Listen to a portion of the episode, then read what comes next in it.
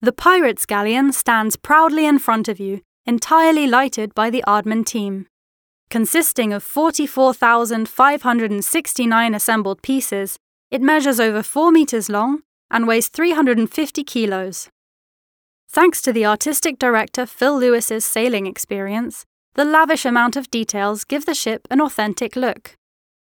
However, if this galleon were constructed according to Aardman's designs, it would immediately sink. Despite its inability to float on water, the galleon has an unmistakably tinkered appearance. This effect originates from Norman Garwood, production designer of the film, whose idea it was to craft a sailboat made of two separate ships. According to the artists, one of the most important moments of shooting Pirates was the day this masterpiece was brought on set. This galleon is indeed an incredible piece of art, with the crisscrossing of straight and curved lines, with its very round bow and large stern, its perfectly stretched sails. This compelling object is the perfect size to be taken into one's arms, which the director Peter Lord did a number of times.